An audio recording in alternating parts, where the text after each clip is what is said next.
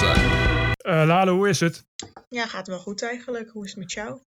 Nou, met mij uitstekend, maar ik heb geen uh, uh, autobiografische roman geschreven. en ik ben ook niet in een uh, veelbekeken televisieprogramma geweest. waarin jij vertelt waar je autobiografische roman over gaat. Ja. Waarop je vervolgens, als ik het goed begrijp, niet alleen louter positieve reacties hebt gekregen. Nee, dat kun je wel zeggen. Nee, kijk, van mijn familie, uh, dat had ik natuurlijk wel uh, aanzien komen. Maar wat ik niet, wat ik heb onderschat, zijn die bedreigingen. En dat, dat maakt wel mijn leven zuur, zeg maar. Want je moest eens weten hoe ik uh, hier naartoe ben gekomen. Gewoon met mondkapje, pet, capuchon, alles. Alles om maar niet herkend te worden. Oh, serieus? Ja, nee, ik vind dat gewoon intimiderend. En kijk, dat die bedreigingen komen, oké, dat heeft, ik bedoel, dat heeft bijna iedereen, zegt men dan. Uh, van, van links tot rechts. En Precies, dat hoort nou ja. eenmaal. Dat hoort nou eenmaal in deze tijd. En dat, dat snap ik ook wel. Ik vind het alleen heel moeilijk te beoordelen. En sowieso de eerste keer dat ik hiermee te maken heb. Ja, En ik vind het moeilijk te beoordelen om dan te weten van, nou moet ik het nou serieus nemen of niet. Maar toen ik eenmaal op straat werd herkend door een Marokkaanse man die gewoon heel intimiderend ging doen en mij ging volgen tot mijn huis, toen werd ik wel echt bang. En sindsdien ga ik gewoon niet meer uit huis. Dus ja. en, en je, bent, je bent niet ondergedoken. Je woont wel, want je woont nog bij je ouders thuis? ja, ja, zeker. Oké, maar, dat, maar en, en hoe is het daar? Eh, ik heb gelukkig een broertje van 20 die eh, gewoon studeert op de Universiteit van Leiden en die intelligent genoeg is om dit allemaal te begrijpen en eh, mij te beschermen en 100% te steunen. Dus daar heb ik heel veel aan. Mijn ouders die praten niet meer met me. We leven gewoon langs elkaar heen in huis. We eten niet meer samen, et cetera. Die, die moeten eigenlijk niks van me hebben, maar ze hebben me ook niet, zeg maar, verstoten. De rest van de familie wel. Eh, die moeten echt niks meer van mij hebben en die kotsen mij helemaal uit en bla bla bla. Maar ik heb gelukkig mijn broer en ja, daar, daar haal ik heel veel steun uit. En eh, ja, ik woon gewoon nog thuis. Ja, en, maar hoe ernstig zijn de bedreigingen? Want eh, ik, ik Ja. moet zeggen dat ik ervan schrik dat je echt met pet en bril en weet ik veel wat over straat moet. Ja, nee, nou heel ernstig, want ik heb wel eens gehad dat iemand zei: Ik ga jou schieten of eh, wacht maar, boem op jouw huis na, na de uitzending van de Ja, vooravond. En dat heb ik ook getwitterd. En ehm, ja, maar ik, nogmaals, ja, ik kan gewoon totaal niet beoordelen of, of ik dat nou serieus moet nemen of niet. Ehm, ja, ik heb wel aangifte gedaan. Eh, de politie gaat er naar kijken. We maken nu een mapje met alle bedreigingen. ja, En eh, ja, die gaan ze wel opzoeken via het IP-adres en zo. Want ik vind ook niet dat je gewoon zo makkelijk eh, iemand moet kunnen bedreigen. En dan heb je wel me- dan heb je mensen als Eus, die voor hun is het alsof het eh, ja, alsof ze onder de douche staan, zeg maar, bedreigingen. Zelfs Eus is bedreigd omdat hij mijn boek heeft aangeprezen en dat dat op de kaf staat. Maar dan denk ik, ja, dat kan wel zo zijn en dat snap ik ook wel, maar toch vind ik het eng. Dus ja. en ik, ik- voor de duidelijkheid, want dit is de eerste keer dat je hiermee te maken krijgt. Ja, daarom. Misschien is dat het ook wel. En ehm, kijk, Eus en zo, die laatste, die, die, wordt ook, die werd ook met zijn kinderen bedreigd en zo. En dat is ook heel heftig allemaal. Maar die gaat niet per se eh, in op de islam of zo. En bij mij is het toch, denk ik, eh, wat, wat, ja, ik weet het niet. exact, want de bedreigingen die komen allemaal uit islamitische hoek, voor de duidelijkheid. Ja, ja. En Arnoud van Doorn die had over mij getweet. En toen kreeg ik ook allemaal van die super enge mensen uit België en zo, wa- waar het een beetje een jihadistennest is. Ja, Uit Molenwijk en zo. Toen kreeg ik allemaal van die bebaarde profielfoto's. Of van die profielfoto's met van, van die leeuwen en zo, weet je wel. waar- Waarvan je weet van, oké, dat is een bepaalde club. En dan eh, zeiden die, eh, gingen die mij berichten en die kwamen dan in mijn spambox. En dat waren dan op zich gewoon normale berichten van... eh hey, mag ik je wat vragen of dat soort dingen. Maar alsnog, als ik dan die foto's zie, dan... Ik weet niet, ik vind dat zo eng allemaal. Dus ik blokkeer dat. En ook mensen die mij helemaal uitschelden en zo. Maar op zich Dat, kan ik dat nog wel hebben. dat zag ik, want eh, eh, volgens mij had je er één gedeeld, of meerdere. Ik zag er één van de- voorbij komen. Wat mij opviel, eh, is dat dat Ja. soort jongeren, en dat weet ik ook bij anderen, bijvoorbeeld van Ebru Oemar of, of Annabel Nanninga, weet ik wat. ehm, die doen dat gewoon onder naam en toenaam en foto. Mhm. Dus ik, dat is, Ja, het is kennelijk ook een soort normaal om dat te doen. Ja, Het is dus niet zo dat ze zich verschuilen achter een, achter een anoniem. Ze zijn ook gewoon bereid om, om dat zo te doen. En dat vond ik, eh, dat maakt het eigenlijk erger, vind ik nog. Ja, en het grappige is dat zo'n man dat dus bij mij heeft gedaan. En toen heb ik dat getweet. En toen uh, is hij aangevallen door meerdere mensen. En geen stijl had het opgepikt. Mhm. En toen was hij weer ziedend op mij. Omdat, omdat hij nu geen baan meer zou krijgen, et cetera. Want daar had Ja. hij al moeite mee. Dat zag je ook op zijn profiel. Dat hij zei van ja, wat een racistisch land. Ik kan helemaal geen baan vinden en zo. Nou, en nu, nu, nu, nu zijn zijn zijn mogelijkheden natuurlijk al helemaal uh, nihil. Omdat ik hem heb geëxposed. En dan is het mijn schuld. Ja, de omgekeerde wereld natuurlijk. Maar die was dan weer ziedend. En die zei van ja, wacht maar. Uh, hier ga je spijt van krijgen, et cetera. En dan denk ik echt van ja, waar gaat dit over, weet je? Ja, nee, ik denk dat je angst voor bedreigingen terecht is sowieso. Uh, en ik denk dat voor mensen als, uh, als Eus, uh, het is makkelijk praten als je dat al jaren doet. En daar al Ja. jaren gewend mee en ik, en gewend aan bent. En ik weet van mezelf, of, of in elk geval de mensen die om me heen staan, als dat iets is wat, wat je voor de eerste keer overkomt, dan is dat heel heftig. en komt dat heel heftig binnen. Dus daar hoef je je absoluut niet voor te schamen. Ja, en Ebru Oemar die belde mij dus en die zei ook van, nou kijk, in, uh, misschien word je online wel bedreigd, maar in het echt durven ze nooit wat. Maar ja, dat weet ik dus nog Ja, niet zo zeker, ja, want die maar- ene dag is het wel gebeurd. Precies, je hoeft maar één gek tussen te zitten. Ja, En ik, en ik denk, kijk, kijk, nou ja, we weten allemaal eh, eh, welke aanslagen er zijn gepleegd de laatste jaren. En dat, dat zijn allemaal islamitische aanslagen. Dus je kunt verwachten dat eh, uit die hoek evengoed mensen bereid zijn om, om verder te gaan. Eh, weet je, dus, Ja. dus, dus het is terecht dat je daar aangifte van doet. En het is terecht dat je, eh, dat je daar in elk geval voorzichtig mee bent. En eh, ervoor zorgt dat je wat, wat minder kwetsbaar bent op dat moment. Heb je, heb je enig idee wat, wat, wat, het, wat, het mens, wat die mensen het meeste steekt? Wat is, wat is toch, ehm, wat is toch ja. waar die mensen zo boos over zijn? Ik heb, ik heb Koranlul gezegd en dat, dat zou dan niet mogen, want dat is een heilig boek natuurlijk. Uh-huh. En ehm, ja, dat, dat is het woordje wat, wat dan in de publiciteit is gekomen. En eh, ja, daar zijn ze super boos om. Maar ook natuurlijk de inhoud van het boek. Want ik heb wel een hoofdstuk waar ik best wel focus op eh, de religie en de heilige teksten die daarin staan, die gewoon het Ja. ethische daglicht niet kunnen verdragen. En eh, ja, dat, dat zou ik dan niet mogen doen. Alsof, alsof men niet weet dat die teksten bestaan of zo. Alsof ik dat eh, naar buiten breng of zo. Ja, heel, heel raar. Ik weet het ook niet. Maar zijn ze ook boos over, over de gemeenschap die je, die je schade toebrengt? Of, of is, speelt Ja, ja, dat meer dat binnen je familie? Nee, dat ook inderdaad. Dat ik de PVV in de kaart zou spelen net voor de verkiezingen. Ja. En dat, ik, eh, dat, dat moslims het al zo moeilijk hebben in dit land. En dat ik het alleen maar vererger. Terwijl ik gewoon mijn mening geef en mijn ervaringen deel. Dus dat kun je mij helemaal niet verwijten. Maar ja, dat, dat is inderdaad het verwijt. En dat krijg ik ook van sommige Nederlandse mensen die helemaal geen moslim zijn. Dus ja. Wat zeggen die dat- dan? Ja, dat ik inderdaad eh, het, het ja, dat ik eh, ja, racisme in de kaart speel. En dat, dat, dat, dat ik rechts, dat, dat rechtsextremistische ideeën al zo erg zijn in deze tijd. En dat ik dat vererger. Eh, en islamofobie eh, vererger. Ja, dat, dat is wel echt een bizarre mededeling, want dat impliceert dat jij gewoon geen boek zou mogen schrijven. Ofwel een boek Ja. zou mogen schrijven, maar dan alleen, alleen waarvoor zij toestemming geven, zeg maar. Dus je mag gewoon Ja. een boek schrijven, maar als het dan. En dit lijkt me dat dit boek gewoon uit je tenen komt. Het is niet dat je dit verzint. Eh, Nee. Dit is toch, eh, dit boek is, is, is waar de vrijheid van meningsuiting voor is en, en waar de vrijheid van expressie voor is. Eh, Ja. En nou zeggen uitgerekend eh, dat soort linkse mensen zeggen dan ja, je mag, je, beter maak je niet zo'n boek, want dan speel je extreem rechts in de kaart. Ja, en het is wel grappig, want dat zouden ze nooit tegen Franka Teur of Maarten het Hart zeggen. Nee, dat is Die- christendom. Dan mag het wel. Ja, Ja, christendom precies. mag in Nederland al jaren kapot. Hè? En, eh, maar als het dan over de islam gaat, dan is het oei oei. Nee, dan, dat, eh, dat is natuurlijk, natuurlijk merkwaardig eh, en bizar. Maar, maar ik vind wel dat het daarom zo belangrijk is dat je dat boek hebt geschreven. Om, Ja. Omdat het juist, juist de reacties ook op je boek geven ook aan hoe ver de islam daarop, daar nog op achterloopt.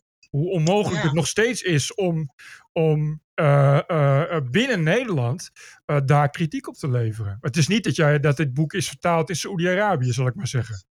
nee, nee, gelukkig niet. Nee, ja, dat, dat zat ik ook te denken. Als het nou een, een bestseller wordt wereldwijd, dan wordt het wel heel erg, denk ik. Als het in het Turks Ja, vertaald wordt. ja, precies. Nee, ik krijg die aanvragen al, want het is een bestseller. Het staat nu op nummer 9, Ja. landelijk.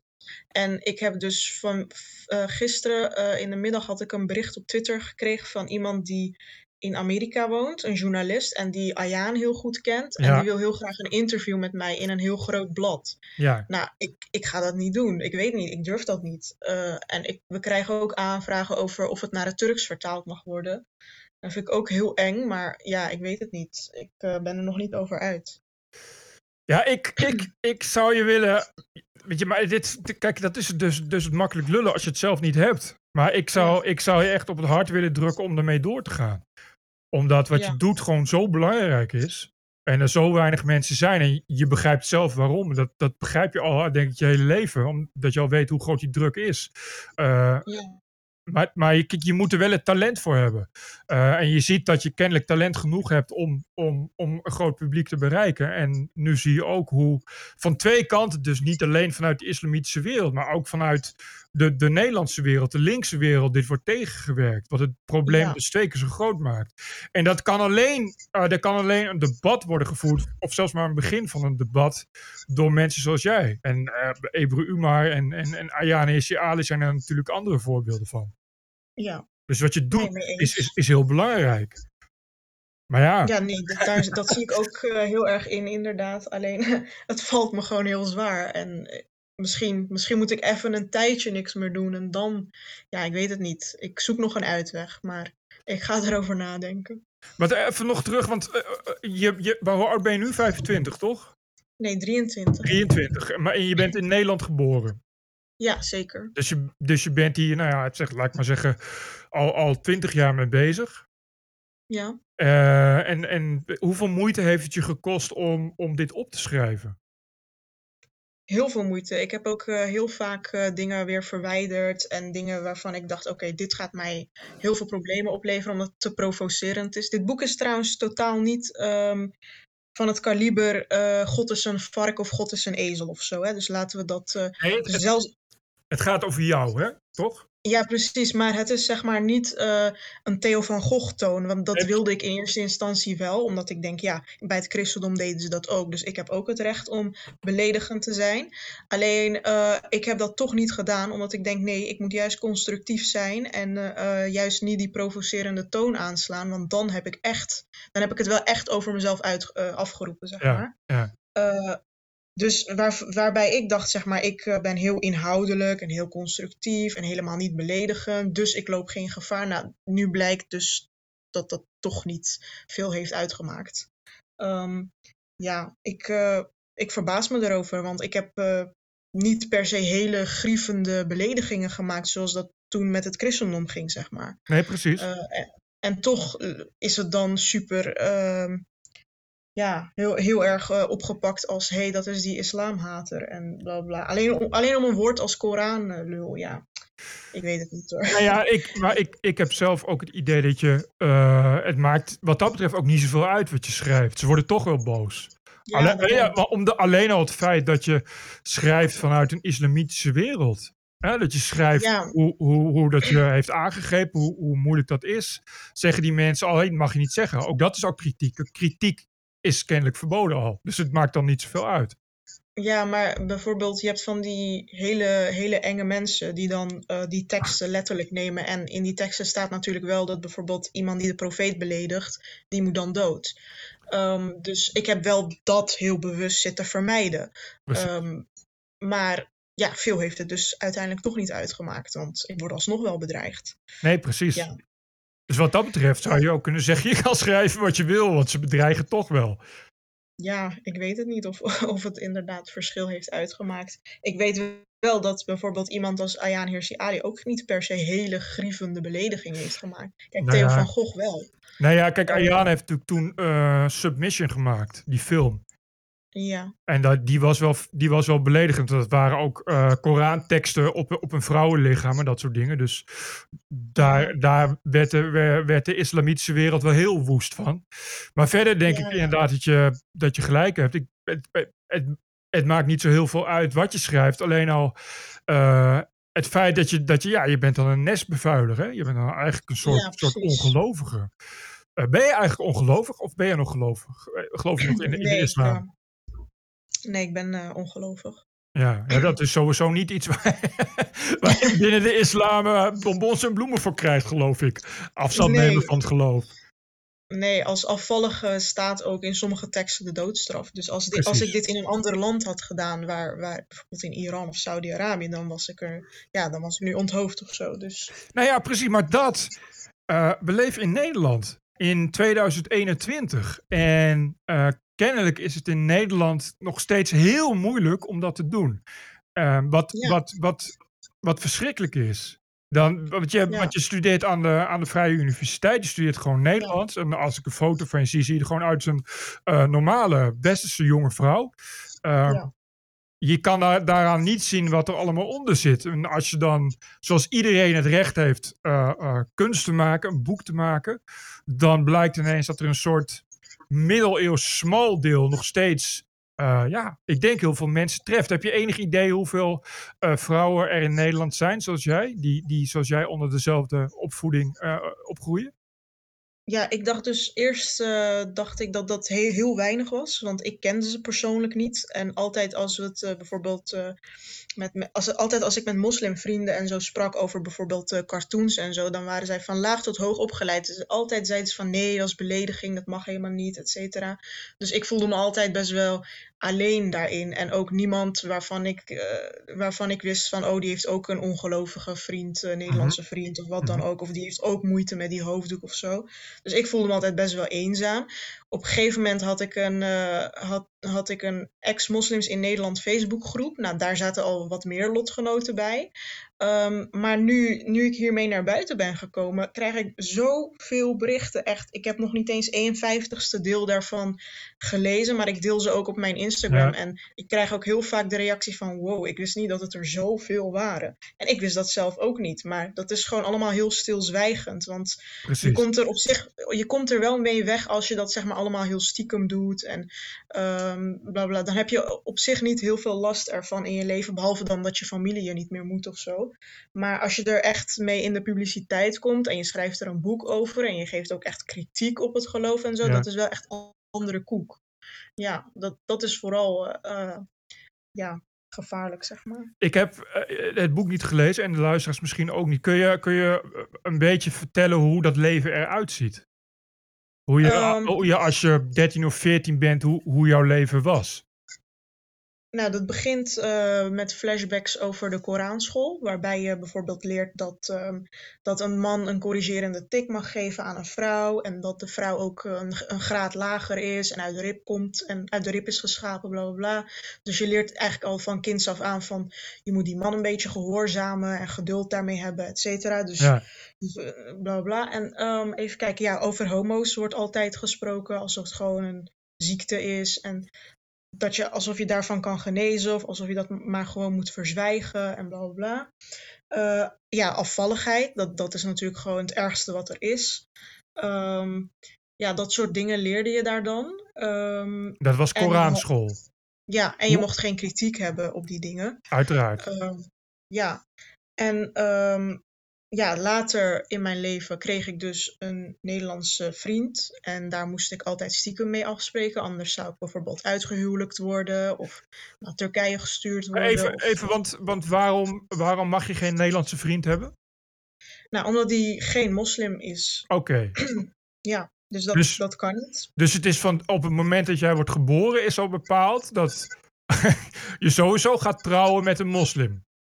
Ja, ja, want in de islam mogen vrouwen niet met ongelovige honden trouwen. Precies, ja, oké. Eh, dat is een grote zonde. Ehm, dus ja, dat, dat werd je al van begin af aan opgelegd. En ehm, ja, dus moest ik dat jarenlang stiekem doen. Ehm, en ja, zo, ja, dat een beetje. Even kijken, wat nog meer. Nou ja, wat, maar hoe, Eh. ga, hoe ga je daar als, als, als pubermeisje mee om? Je wordt verliefd op een Nederlandse jongen. Ja, je zit de hele tijd in een dilemma van oké, aan de ene kant mijn familie, aan de andere kant hou ik toch echt van die jongen. En ik vind die cultuur bij hun thuis vind ik eigenlijk veel fijner. dat je gewoon eh, over alles kunt praten. En bij ons is alles maar taboe. En je moet maar doen alsof die gevoelens niet bestaan. En je moet alles maar gewoon eh, binnen de grenspalen moet je maar handelen. En ja, daar word je gewoon echt doodmoe van. En eh, ja, gewoon, gewoon alles zit te verzwijgen. Het is, het is net het taboeïsme gewoon, heb ik ook in mijn boek gezegd. Ja, maar Alles dit, is taboe. het lijkt me ook een, een bijna schizofrene wereld waarin je dan terechtkomt. De ja, enerzijds de wereld eh, van, je, van, van je thuis. eh, ja, en, en, en dan heb je een soort dubbelleven. Dan ga je naar buiten en hoe ging dat? Dan deed je je hoofddoek af en deed je make-up op of zo. En dan, dan had je in elk geval weer een normaal leven. Ja, inderdaad. In de trein omkleden, make-up opdoen, eh, stiekem eh, als barvrouw werken. Om, ja, dat mocht dus ook niet, want dan serveer je alcohol en dan ben je vervloekt. ja, Dus eh, ja, dan hoofddoek afdoen op je werk en inderdaad ja, buitenechtelijke relatie erop nahouden. Ook nog eens met een ongelovige hond. En ehm, ja, constant ehm, ja, dat proberen stiekem te houden. Ehm, ja, of eh, geheim te houden. En eh, ja, zo, zo is dat, zo gaat dat. Ja, en maar is dat dan ook iets, want ik kan me ook voorstellen dat je even goed ook van je ouders houdt. En dat je eh, Ja, het idee hebt dat wat je doet, dat je daarmee je ouders verdriet doet. En, en dat je denkt van ja, wat, waar, waar moet ik nu voor kiezen? Ik, ik begrijp dat ja, je, ja, je, je, je wil voor, voor die wereld kiezen, want dat is nou eenmaal ook de wereld waarin je leeft. Hè? Je leeft in Nederland. Dus, maar dat je tegelijkertijd denkt van ja, ik doe mijn ouders ook wel verdriet. Ja, precies. Daar, en daar heb je gewoon ontzettend veel schuldgevoelens van. Van oké, wat doe ik ze nou aan? Want dit kunnen ze nooit verkroppen en dit gaan ze nooit accepteren. Want ja, zij geloven natuurlijk echt in een fysieke hel en in die regels. Dat is echt niet, Aha, dat is geen bijzaak voor ze of zo. En heel veel, men, heel veel Nederlanders die zitten zo vuistdiep in het atheïsme dat ze zich denk ik nauwelijks kunnen precies. voorstellen dat mensen zo erg nog uitgaan van een hiernamaals die eeuwig is.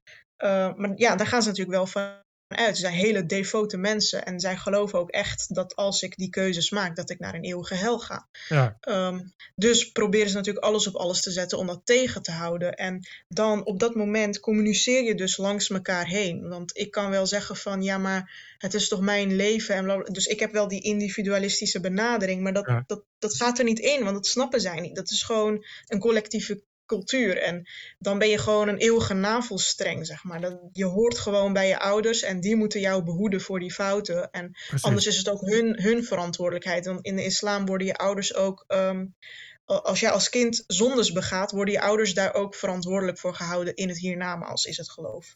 Dus dat is ook totaal geen individualistische benadering natuurlijk. En ja, dus mijn ouders die, die, die zullen dat gewoon nooit kunnen accepteren. Dat, want daar gaan ze zelf aan kapot. Precies. Ehm, en ja, gege ja, gegeven dit, dat, ja, dan is het Ja, gewoon dus constant langs elkaar heen communiceren. En ja, het, je begrijpt elkaar gewoon nauwelijks. En er is constant ruis. Dus uiteindelijk is het, is het gewoon kiezen. Je kan ze niet combineren. en maar op een, op een gegeven moment eh, ben je zelf ook van je geloof afgegaan. Ja, En hoe oud was je toen? Eh, ik geloof 19, zoiets. Ja. Ah ja. En maar is het, is, was het, is het moeilijk om daar dan afscheid van te nemen? Want ik, ik kom zelf uit een christelijke achtergrond. En bij mij thuis was Ja. het niet zo heel streng. Maar ik ken voldoende mensen die, ja, weet je, die bij de gereformeerde bond zaten. Of dat soort dingen. Het is ja, eigenlijk vergelijkbaar met de islam, maar dan, dan christelijk. En die hebben eigenlijk hun hele leven ook wel moeite om, om dat achter zich te laten. Omdat het... Nee, je wordt nee, inderdaad, je wordt eh, vanaf kinds af aan eigenlijk al, al een beetje gebrainwashed met dat soort dingen. ja. Ja, nee, ik heb ook altijd voor het slapen gaan gebeden tot God, et cetera. Dus dat zit dan heel erg in je systeem. Eh, als je je machteloos voelt van iemand is ziek uit je omgeving of zo, dan ga je gelijk. Het is bijna een soort reflex dat je dan gaat bidden en eh, Mhm, dat soort dingen. mhm. En eh, ik zeg nog steeds automatisch dingen als eh, ja, inshallah komt het goed of zo, weet je wel. Dus eh, een soort van deo volente is dat. Maar ja, dat zit natuurlijk gewoon een beetje in je systeem. Alleen ik heb daar niet echt super veel moeite mee op dit moment, omdat ik gewoon heel erg inzie dat dat nooit kan kloppen. dus ik ben wel heel erg overtuigd van mijn ongeloof. Eh, omdat ik ook die teksten en zo heb onderzocht en heb gezien hoeveel daarin staat, dat gewoon niks anders kan zijn dan totale onzin. Omdat ja, dat, dat kan gewoon niet anders. Uh, een eeuwige hel waar je steeds een nieuwe, nieuwe huid krijgt en je eigen pis gaat drinken omdat je niet hebt geloof. Ja, dat is driekwart van de wereld. Hoe kun je daar überhaupt geloof uh, voor opbrengen? En zelfs binnen de islam zijn dan superveel stromingen, weet je wel. En iedereen beweert dan wat anders en zo. En uh, uiteindelijk van al die stromingen zal maar eentje het, op het rechte pad zijn en zo. Daar, staan, daar zijn ook teksten over dat Mohammed dat heeft gezegd van mijn, mijn leer wordt een soort wordt 75 uh, eh, eh, breuken en dan slechts één van die groep gaat echt naar het paradijs. Um, omdat die wel op, bij, het rechte eind, uh, het bij het rechte eind hebben. Dus dan denk ik, ja, oké, dus bijna de hele mensheid gaat dan naar de eeuwige hel. Oké, ja, dat lijkt mij dus niet heel overtuigend. En ja, daarbij ook gewoon heel veel teksten die, ja, die gewoon totale onzin zijn. Dus ja, maar kun je daar dan, want je kan daar binnen je leefwereld, kon je daar bij, bij, niemand bij terecht. Er was niemand bij wie je kan zeggen, goh, ik heb allemaal kritiek en hoe zit dat? Ja, nee, klopt. Ik had, ik had wel uh, imams op een gegeven moment aangesproken. Uh, dan stelde ik bijvoorbeeld vragen van, goh, hoe zit dat? Uh, vreemdgaande vrouw stenigen? Nou, dat lijkt me heel onbeschaafd. En hoe zit dat nou met, met homo's stenigen? Um, en dan zeiden ze dingen van, ja, maar dat geldt alleen in een sharia-staat en als je vier getuigen hebt. Alsof ik dan moest zeggen, oh... Oh, dan is het anders.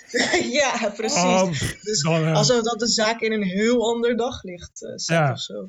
En uh, ja, dus dan kreeg ik echt van die super onzinnige antwoorden. Je, je had ook wel soms antwoorden van, ja, maar dat gold alleen in die tijd. Maar dat is helemaal niet theologisch ingekaderd, want er is nooit een hervorming geweest. Dus dat is, dat zijn echt, dat is echt een marginale club, zeg maar, die zegt van, oh ja, maar dat moeten we nu in deze tijd totaal niet toepassen. Dan denk ik, hoezo? Want Mohammed heeft toch gezegd dat, het voor, dat, het, dat de tijd en de plaats niet uitmaakt en dat het voor de gehele mensheid geldt en ten alle tijden die regels. Ja, dus dat, dat, uh, nee, dat heb ik nooit begrepen. Maar, maar ja, dat. Uh... maar waar, waar, waar, kon je erbij terecht? Want het is, je zegt, ik ben, op je negentiende was je wel een beetje klaar met geloven. Uh, nou, het ja. heeft nog een tijd geduurd voordat je überhaupt dat boek uitkwam. Dus waar, waar ging je in, in de tussentijd met je, met je gevoel heen, überhaupt? En, en met je twijfels? Uh, ja, dat, uh, dat is heel lang nog door blijven sudderen. Dus ik heb wel boeken besteld en erover gelezen en zo, maar toch kwam ik er dan niet uit. Toen was mijn conclusie: oké, okay, dit is gewoon zo, dit staat er nou eenmaal en dit geloven de meeste moslims helaas. Dus ik ga eruit stappen, want ik sta er niet achter. Maar ik had uh, geen lotgenoten. Dus uh, ja, uiteindelijk kwam ik dus in die Facebookgroep en toen had ik wel allerlei mensen leren kennen die het in hetzelfde schuitje zaten. Dus dat was wel een soort opluchting van oké, ik ben niet de enige gek die, die zo denkt. Blijkbaar ben ik dus niet zo gestoord. Maar er zijn meer mensen en die, die heel intelligent zijn en dit kunnen inzien.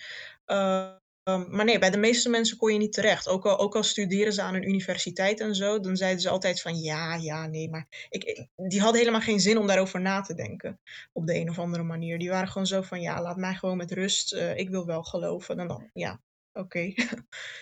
Nou goed, maar. Eh, eh, want was er op een moment ook van coming out naar je ouders toe? Dat je zei van ja, ik, ik geloof het gewoon niet? Of, of heb je dat altijd verborgen gehouden? Nee, heb ik altijd verborgen gehouden. Zelfs nu nog weten ze, ja, ze weten het nu natuurlijk wel door alle interviews en zo.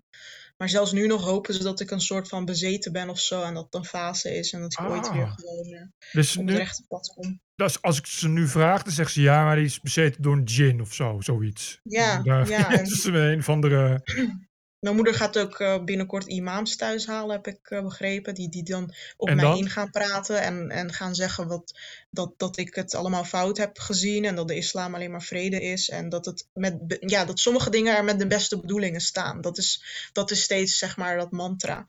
Uh, van ja, dat staat er wel, maar je moet wel begrijpen waarom. En ja, maar waarom mogen mannen dan vier vrouwen? Ja, dat is om dit en deze reden. En dan hopen ze gewoon dat ik daarvan overtuigd raak. Terwijl dat, dat, dat zit er gewoon niet in en dat snappen ze niet. Dat kunnen maar, ze maar niet accepteren. Je, je woont nog thuis en je, vertelt het nu wel heel luchtig, maar is het niet, ja. benauwd je dat niet? Ja, heel erg. Dat je op, dat je op een dag thuis komt en dan zitten er twee imams en uh, die dan... Uh, ja. Nee, maar dan ga ik gewoon zeggen, ja, ik, ik hoef geen gesprek. En als ze dan blijven door uh, uh, drammen, dan zeg ik ook gewoon van nee, ik ga naar mijn kamer, jullie mogen het huis uit, doei. Uh, ja, ze kunnen me toch niet dwingen, weet je wel. Ze gaan niet, uh, op, ze gaan niet fysiek geweld toepassen of zo. Dat, dat kan niet. Oké. Dus ja. Nee, want het klinkt heel heftig. Oh, Ik las ook dat je een oom had die zei eigenlijk moet ik je hoofd eraf snijden. Of iets Ja, die herkende zich eh, in een. eh, ik had het op een gegeven moment over een oom in het boek en die herkende zich daarin. Ja? En hij is zeg maar best wel een dom persoon. Dus hij denkt serieus dat heel Nederland hem ziet in dat verhaal. En dat hij nu niet meer over straat kan of zo. Dus hij denkt serieus dat hij zo belangrijk is. Ja. Terwijl, terwijl niemand hem kent natuurlijk. Maar ja, die, die kan dat helemaal niet doorgronden. En die is dus eh, super boos. En eh, ja, die, eh, die had inderdaad gebeld met wacht maar. En je komt niet van me af en zo. Maar ja, hij kan ook niks doen hoor. Dus Nee, ja, hoezo ik vind niet? het allemaal maar gebluff. Ja, omdat ik mijn broer heb die mij 100% steunt. En mijn broer heeft ook tegen hem gezegd van... eh, ja, eh, ik weet niet wat je lult, maar als je haar met één vinger aanraakt... dan heb je met mij te maken. Dus het is natuurlijk wel zo'n macho-cultuur. En gelukkig heb ik mijn Ah, ja. broer. Dus als, en mijn broer is zeg maar gezaghebbender over mij dan een oom. Dus als Oké. mijn broer dat zegt, dan kan die oom niks meer doen. Zo, zo ligt dat een beetje. Oké. Want eh, we- juist omdat het zo'n macho cultuur is, eh, Ja. lijkt me dat juist heel beangstigend. Ja, als ik mijn broer niet had, had, had ik zeker wat te vrezen. Dat is waar. Maar- Serieus? Ah, Dus als je broer er nu niet zou zijn, dan loop je echt het risico dat je oom je hoofd gaat afsnijden. Nee, dat niet, maar wel gewoon eh, boos en misschien ook wel fysiek geweld, maar niet, niet doodmaken of zo. Dat, ja, je hebt natuurlijk ook wel families waar eerwraak eh, voorkomt, dat bestaat zeker. Alleen denk ik dat in mijn geval dat ik dat niet eh, riskeer, dat niet, maar wel geweld. Ehm, maar gelukkig heb ik mijn broer, ja, en die is zeg maar eh, ve- vele rangen hoger dan mijn oom, zeg maar, in die, in die cultuur. en eh, ja, zo ligt dat een beetje. Oké, ja, goed. Dus, dus als je broer zegt niet aan haar komen, wordt dat wel gerespecteerd. Ja, ja, zeker. Oké, oké. Nou, dat is inderdaad wel... Want dat is een man, hè? Dus vandaar. Nou ja, maar goed, ik wou zeggen, hij is natuurlijk niet de hele dag bij je, je broer. Dus ja, dat- wat, wat dat betreft eh, loop je natuurlijk Nee, maar als hij dat zo zegt, eh, dan, dan weten ze dat als ze aan mij komen, dat hij dan dat terug mag doen. Zo werkt dat een beetje. Ja, Want, want dan heeft hij ze gewaarschuwd, hebben ze het toch gedaan. En dan, mag hij dan, dan heeft hij het recht om, dat, om hen terug te pakken. Zo werkt die cultuur een beetje. En ja, dus ze weten ze dat ze mij met rust moeten laten. Ook al zijn ze heel boos. oké. Maar en hoe kan het nou dat... eh, ja, jij bent hier eh, in, in, in 25 jaar of 22 jaar... eh, ben je volledig Nederlands en heb je afstand genomen van de islam. Eh, en je Mhm. ouders niet. En ik begrijp dat je ouders ook niet zo goed Nederlands spreken. Nee, maar mijn ouders zijn hier ook als analfabeet eh, gekomen. Dus ze, ze zijn geen dag naar school geweest. En hun algemene ontwikkeling en zo, dat is gewoon echt heel belabberd. Mijn moeder kan volgens mij nog geen vijf landen op de wereld noemen. Dus ehm, ja, Hoe lang is dat gewoon, geleden? Wa- wanneer kwamen je ouders naar Nederland? eh, op hun 25ste. Ik ben van 97, dus volgens mij in 96 of 95 zijn ze naar Nederland Oké, gekomen. kwam, eh, toen ze in Nederland waren, kwam jij, laat ik het zo zeggen, vlak daarna. Ja, ja, precies. Je zou toch zeggen dat in die tijd eh, er al, eh, al een hoop, eh, een hoop eh, mensen waren geëmigreerd naar Nederland en dat daar al een hoop over bekend was. Want wat, wat, wat ik me afvraag, en jij denk ik ook, is, is hoe toch mogelijk dat, dat je hierheen kunt komen naar Nederland en, Ja. en helemaal niets, niets hoeft. Dus niet naar school hoeft en, Ja. en de taal niet. Hoe, hoe kan dat? Want je vader is postbode, begreep ik. Ja, postbode en treinschoonmaker op het Centraal Station. Ehm, Die kan dan toch wel Ja. lezen? Ja, ja, die kan, inmiddels kan hij wel lezen, ja. Dat heeft hij echt Zo, moeten ja. leren in Nederland. Ja, heeft hij moeten leren. Hij is ook hier naar school geweest om dat te leren. En hij kan wel ook heel, heel belabberd Nederlands kan hij ook wel. Eh, geen, geen correcte volzinnen of zo, dat niet. En heel zwaar accent. Ja. Maar mijn moeder kan gewoon helemaal niks, want die is gewoon huisvrouw gebleven altijd. En ehm, ja, die, gaat ook, die, die kijkt alleen maar Turks tv, gaat boodschappen doen bij de Turk, woont in een wijk met alleen maar Ja, Turken, gaat naar de. Turkse moskee. Dus dat is gewoon super, als, alsof de rest van Nederland niet bestaat, zeg maar. Dus, dus in 30 jaar is je moeder ook nog nooit verder gekomen dan Turkije eigenlijk. Nee, nee, klopt. Eh, en er is nooit iemand geweest die, die aanbelde en die, die zei... Hoe gaat het? Laten we eens kijken hoe, hoe jullie in- de Nederlandse samenleving staan. Iemand, een, laat ik zeggen, een Nederlander, überhaupt. Nee, tuurlijk niet. nee. Nou, tuurlijk niet. werkt Ik- dat ik- helemaal niet. nee, dat, maar goed, dat, dat- je zou denken dat het zo moet werken, toch? Ik ja, niet, het liefst wel inderdaad. Dat, dat, dat nieuwkomers een soort van een, eh, ja, een, een loopbaan krijgen of zo. Of, of inderdaad een traject die ze moeten, ja, dat ze moeten volgen. Nou ja, dat, dat in elk geval wel als ze, als ze kinderen hebben. Want ik, ik denk van ja, weet je, het is natuurlijk niet erg, of niet erg. Als je, het, als je het zolang je het binnen je eigen voordeur houdt, moet je natuurlijk de mogelijkheid hebben om ervoor te kiezen om eh, streng islamitisch te zijn en, en alleen maar Ja, Turks te blijven. Maar ik vind wel ja, dat op het moment dat je kinderen krijgt, die kind, ja, je hebt gewoon een Nederlands paspoort. Hè? Je wordt in een Nederlandse samenleving geboren. ja. Het is toch raar dat je dan eh, Aan eigenlijk je lot ja, je wordt eigenlijk aan je Ja. lot overgelaten. Want van, vanuit huis krijg je helemaal niks mee van een Nederlandse opvoeding. Ja, precies. Nee, dat had ik eh, zelf ook. Ik eh, moest dus naar de Koranschool elk weekend. En eh, als ik dan andere boeken wilde lezen uit de bibliotheek. Ja, er, er werden mij sowieso geen boeken aangereikt of zo. Ik kon geen Nederlandse tv kijken. We hadden alleen de Turkse tv. En ik had helemaal geen Nederlanders om me heen. Alleen de docenten, zeg maar. Volledig zwarte wijk. Eh, op een gegeven moment kom ik erachter dat er iets bestaat als een bibliotheek. Inmiddels zat ik dan al in groep 8 of zo. Dan denk ik, ja, ik ga daar boeken halen en zo. Die werden dan van me afgepakt. Omdat dan bijvoorbeeld in boeken van Carrie en zo, daar staan natuurlijk ook eh, eh, heftige. Ja, daar staan dan dingen in over seks en alcohol en drugs. Nou, dat, dat kon niet. En ik, ik moest vooral de Koran leren en zo. Dus ik heb heel lang een hele grote taalachterstand gehad. Dat heb ik allemaal zelf moeten inhalen. Ehm, en ja, dat is wel jammer. Ik had niet eens een eigen, eigen kamer, eigen studeerruimte. eh, altijd eh, ouders in huis of visite. Echt om de dag visite over de vloer. Nooit eens je eigen ruimte. Dus ja, dat is inderdaad eh, best wel zwaar geweest. Sowieso was het een super klein huis in Amsterdam West. En ja, Ik weet hoeveel dingen. broers en zussen heb jij? Ik heb één broertje van 20 en één zusje van 10. Ja, oké. Z'n- Jullie waren met z'n vijven dus. Ja, bij ons valt het nog mee, maar we hadden ook inderdaad Marok- Marokkaanse buren en zo. Dat schrijf ik ook in mijn boek, die, Ja, eh, die vijf kinderen hadden in zo'n ja, in, in, in één huis. En dat, dat je dan twee stapelbedden had in één kamer en zo. ja. Ja, dat, dat soort toestanden. Maar ik begrijp nu pas. Je bent alleen maar naar een Koranschool geweest. De basisschool. Ja. Ik dacht dat je ook naar een gewone basisschool ging. Maar je ging echt Oh, nee, naar een, nee. een Koranbasisschool. Nee, nee, dat niet. Mijn zusje zit momenteel op een islamitische school, omdat mijn Ja? school, de Paulusschool, die is islamitisch geworden. Dat heet nu El Amin. Eh, maar eerst was Oh, het dus de Paulusschool en daar ging ik naartoe. En dat was door de week dus gewoon een reguliere school. En in het weekend had ik de Koranschool. Oké, maar je leerde dus wel gewoon Nederlands op school, zou ik maar zeggen. Niet dat je alleen maar Turks Ja, of. Arabisch kreeg. Nee, precies. Nee, ja, nee, dat, eh, dat wel. Maar eh, hoe, hoe kon het dan dat je niet wist... eh, Want daar vertelden ze je niet dat er ook een bibliotheek was. Het, eh, hoe moet ik dat zien? Ja, nee, ik wist wel van ergens vaag van oké, er is blijkbaar een gebouw waar allemaal boeken zijn dat, die je kunt lenen en die je mee naar huis kunt nemen. Maar er was geen ouder die mij daar naartoe bracht. Eh, op een gegeven moment wel, gelukkig, maar in mijn kinderjaren nog niet. Dus da, da, dan bouw je ook een achterstand op. Want ik wist helemaal niet wat een Donald Duck was en dat, dat, ja, dat je jeugdboeken had en zo. Ik ging ja, echt alleen maar dingen doen voor de Koranschool in mijn vrije tijd. Ja. En ik had ook niet eh, per se altijd toegang tot de Nederlandse tv. En op die Paulusschool, maar daar zaten ook alleen maar Turkse kinderen, of hoe moet ik dat zien? Ja, ja, het was echt volledig eh 100% zwart. Ik heb ook altijd op eh 100% zwarte scholen gezeten. Ook mijn Ah, eh, middelbare school. Eh, daar, daar was geen, echt geen één blanke Nederlander, alleen de docenten. maar de docenten waren, maar, dus, dus al je klasgenoten waren ook islamitisch, neem ik aan. Ja, ja, En, zeker. maar de docenten niet, die, of, Nee, of ook wel. Hoe moet ik dat, nee, nee. Eh, het waren echt alleen maar eh, Nederlandse docenten, inderdaad. hoe ging dat überhaupt? Want het lijkt me wel, je, want Eh, ja, het zijn dus alleen maar kinderen die, ik denk, een beetje eenzelfde thuissituatie hebben zoals jij.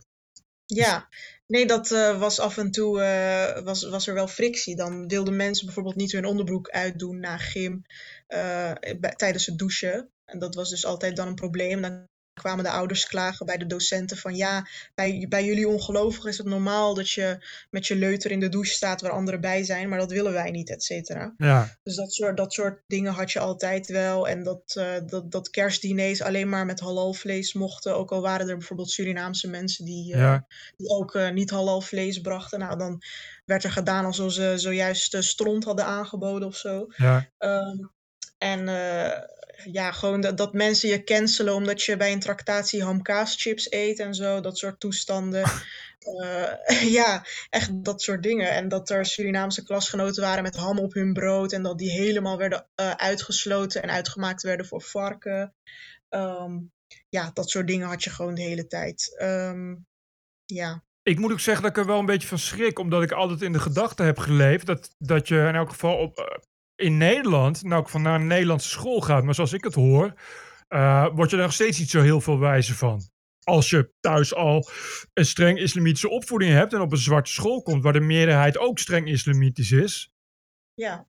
Je hebt, ik, ik, want wat, ik heb echt het idee dat je pas na je basisschool en eigenlijk pas veel later zo'n beetje ook uh, uh, je deuren kon openen naar, naar ja, het, het seculiere Westen.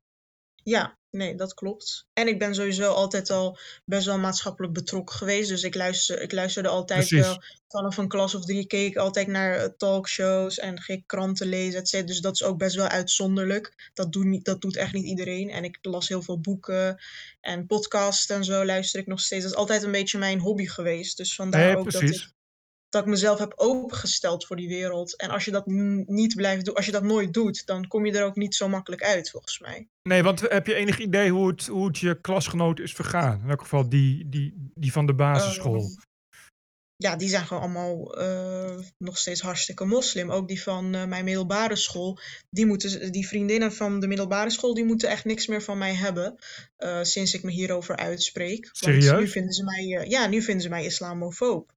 En eh, ja, dat is nou eenmaal zo. Dan denk ik ook van, nou, ik moet ook niks van jullie hebben als jullie Maar, zo bekrompen zijn. maar wat, wat zeggen ze dan? Want ik, ik, kan me gewoon niet, ik, ik kan me gewoon niet voorstellen, weet je, als je vriendinnen bent. Ja.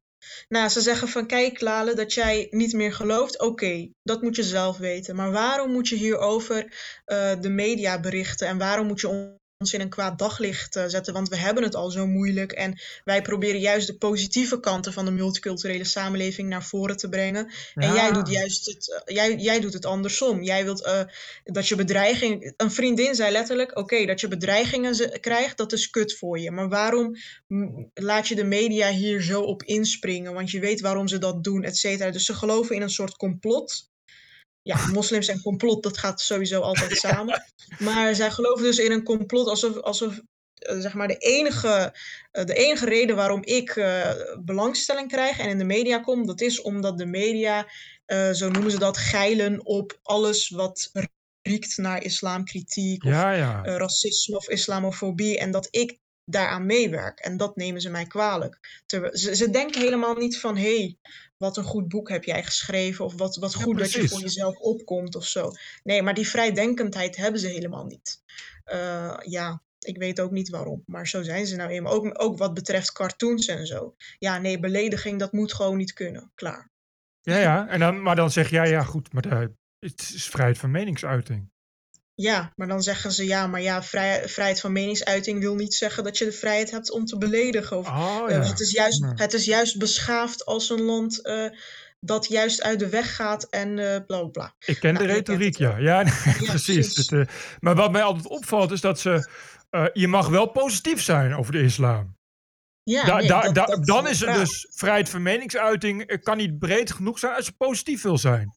Maar, dan, ik Ja, ben, en, het, en er komt, maar het is ook niet zo dat er nou heel veel zijn zoals jij. Dus er zijn duizenden moslims. En duizenden, begrijp ik misschien wel, die net als jij, die, ja, die toch, ja, laten we zeggen, onder een soort middeleeuwse dictatuur thuis leven. En dan is er één die daar iets van zegt. En dan is het, oh nee, nee, dat mag niet. Want dan is het een complot. En dan Ja, wat het, ik dus ook eh, heel vaak hoor is, ja, maar stel je voor dat je het omgekeerde had gedaan, dat jij Nederlander was en dat je je bekeerd had, zou je dan ook zoveel belangstelling krijgen? En dan denk ik, ja, nou, die Laura H., die, die is toch ook ik bekeerd, wou die net zeggen. Ja, dus die, die redenering klopt ook helemaal niet. Dan zeggen ze, ja, er zijn heel veel bekeerlingen die ook thuis heel veel moeite hebben hierdoor en verstoten worden door hun familie. Niemand die daar eh, iets over zegt. En dan denk ik, ja, maar die hebben ook bijvoorbeeld geen boek geschreven of zo. Dus er moet wel een concrete aanleiding zijn. En dan denk ik, ja, bij die Laura H., die is zelfs op jihad geweest. En alsnog is ze een soort van vertroeteld en verbloemd. Dus ja, eh, je moet nou niet doen alsof er een soort complot is achter de Nederlandse media die gewoon stiekem allemaal PVV'ers zijn of zo. Je kan ook nauwelijks zeggen dat de islam verder geen positieve aandacht krijgt in de media. Dus wat dat betreft lijkt me niet... Ja, eh, maar het is gewoon, eh, het is heel grappig hoe iedereen zeg maar ziet wat ze willen zien, inderdaad. Want jij zou dan zeggen inderdaad dat, dat de islam juist vertroeteld wordt in Nederland. Ik ook, dat er een soort islamofilie is bij, bij vooral eh, linkse ja, ja, ja. politieke partijen. Maar de moslims zien dat juist heel anders. Die, die, die zien alles als islamofobie of een aanval op de islam of op hun. Ja, het is gewoon heel grappig hoe iedereen gewoon de eigen waarheid bevestigd krijgt eh, met alles. Ja. Maar goed, voel je niet, want ik, ik begrijp ook dat het nu ja, met je moeder niet zo heel goed gaat. Nee, die is er heel ziek van geworden.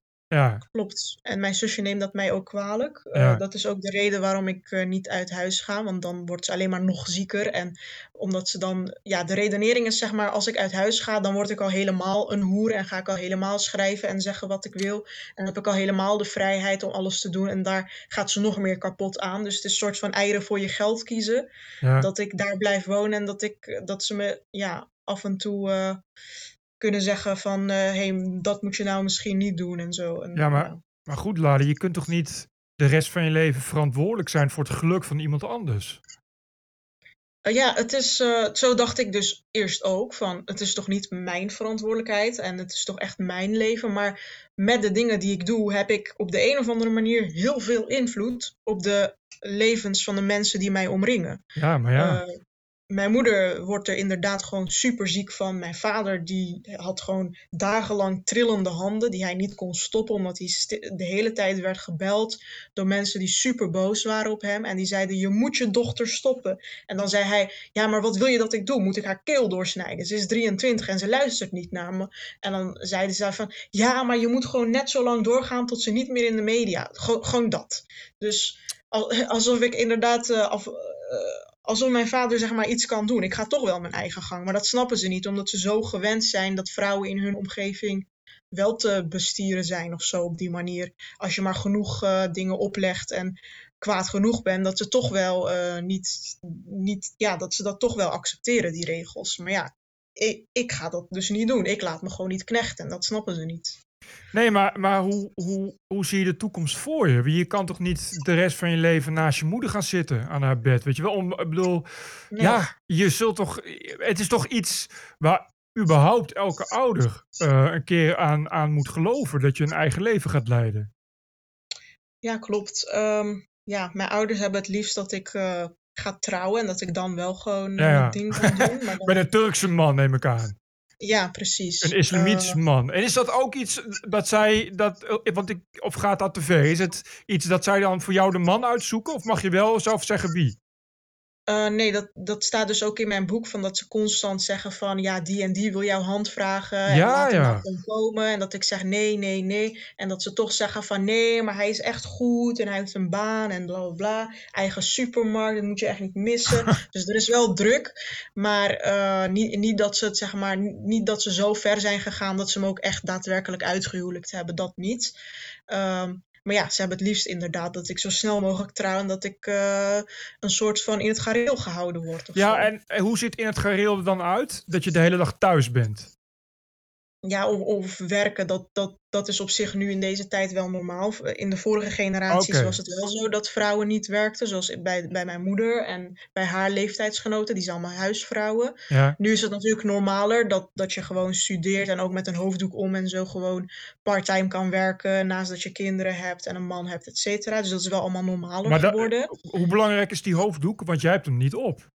Ja, precies. Ik had hem wel op tot mijn 21ste. Ehm, en ja, dat is ook eh, heel belangrijk, want daarmee onderscheid je je toch een beetje van de ongelovigen. Ja, ook al ja. wordt het in deze tijd best wel anders gedragen, want nu wordt het gewoon gecombineerd met, met leuke kleding en westerse kleding. Terwijl mijn moeder, die draagt gewoon een heel zwart gewaad. Gewoon. Ja, En dat, ja. dat, dat was bij de vorige generaties zo. Nu is dat allemaal aan het veranderen. Maar toch blijf, moet die hoofddoek wel blijven, inderdaad. Want het is toch een beetje een, een symbool voor de islam. Dan Ik weet het. dan Onderscheid je toch eh, daarmee van, van de rest. Maar hoe is het jou Ja, gelukt, hoe is het jou gelukt om, om je daarvan van, van los te worstelen? Ja, op een dag heb ik hem gewoon afgedaan. En eh, ja, toen kreeg ik ook inderdaad hele boze reacties. Ik wou net en, zeggen. eh, ja, een oom, eh, die die ging me gewoon midden op straat uitschelden. Ik kwam ook toen van mijn werk als barvrouw, dus ik had ook nog eens een Heineken polo, ehm, aan. Dus dat dat verergde dat verergerde wel de boel.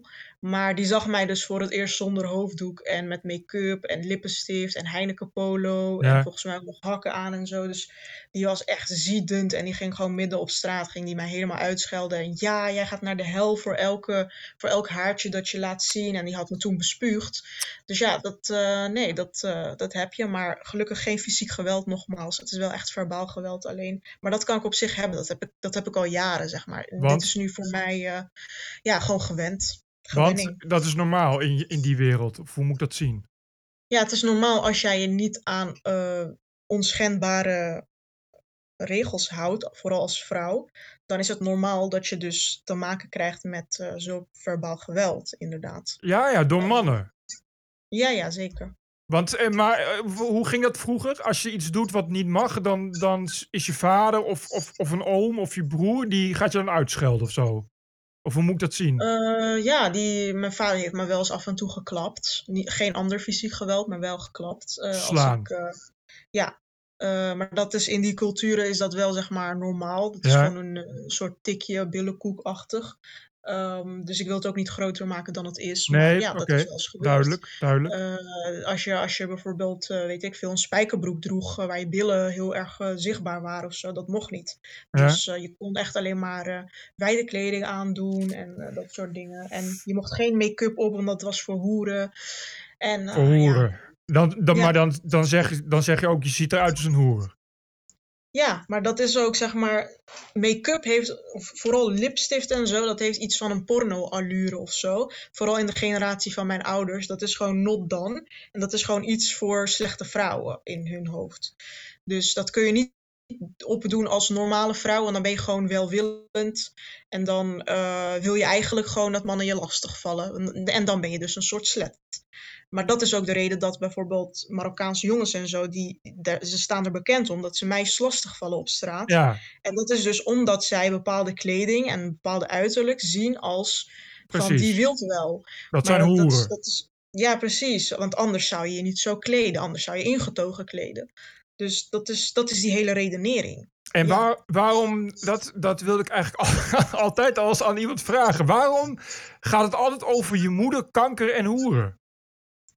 Ja, dat is gewoon een obsessie met Nou, eh, inderdaad vrijgevochten vrouwen of zo. want het gaat altijd meteen over je kankermoeder. En ik, dat, wa- wat is Ja. dat toch met moeders en, eh, en, eh, en, en jouw cultuur? Ja, ook in mijn, ook in mijn eh, ik neuk jou en kankerhoer. En ook in de metro net. eh, ik was dus in de metro. Ja, om, om hier naartoe te komen. En toen was er dus ruzie in de metro. En toen Ja. was het dus inderdaad weer een Marokkaanse jongen die een andere Surinaamse jongen eh, uitschold. En dan was het weer van ja, pas maar op, want, want ik neuk jouw moeder. Het gaat altijd over neuken en moeders inderdaad. het is gewoon echt een soort obsessie. Ehm, ja. Ja, ja hoe dat zit dat? Is wat, want, welke plaats heeft de moeder ehm, in, in, in, in het gezin? Nou, op zich is die moeder best wel heilig.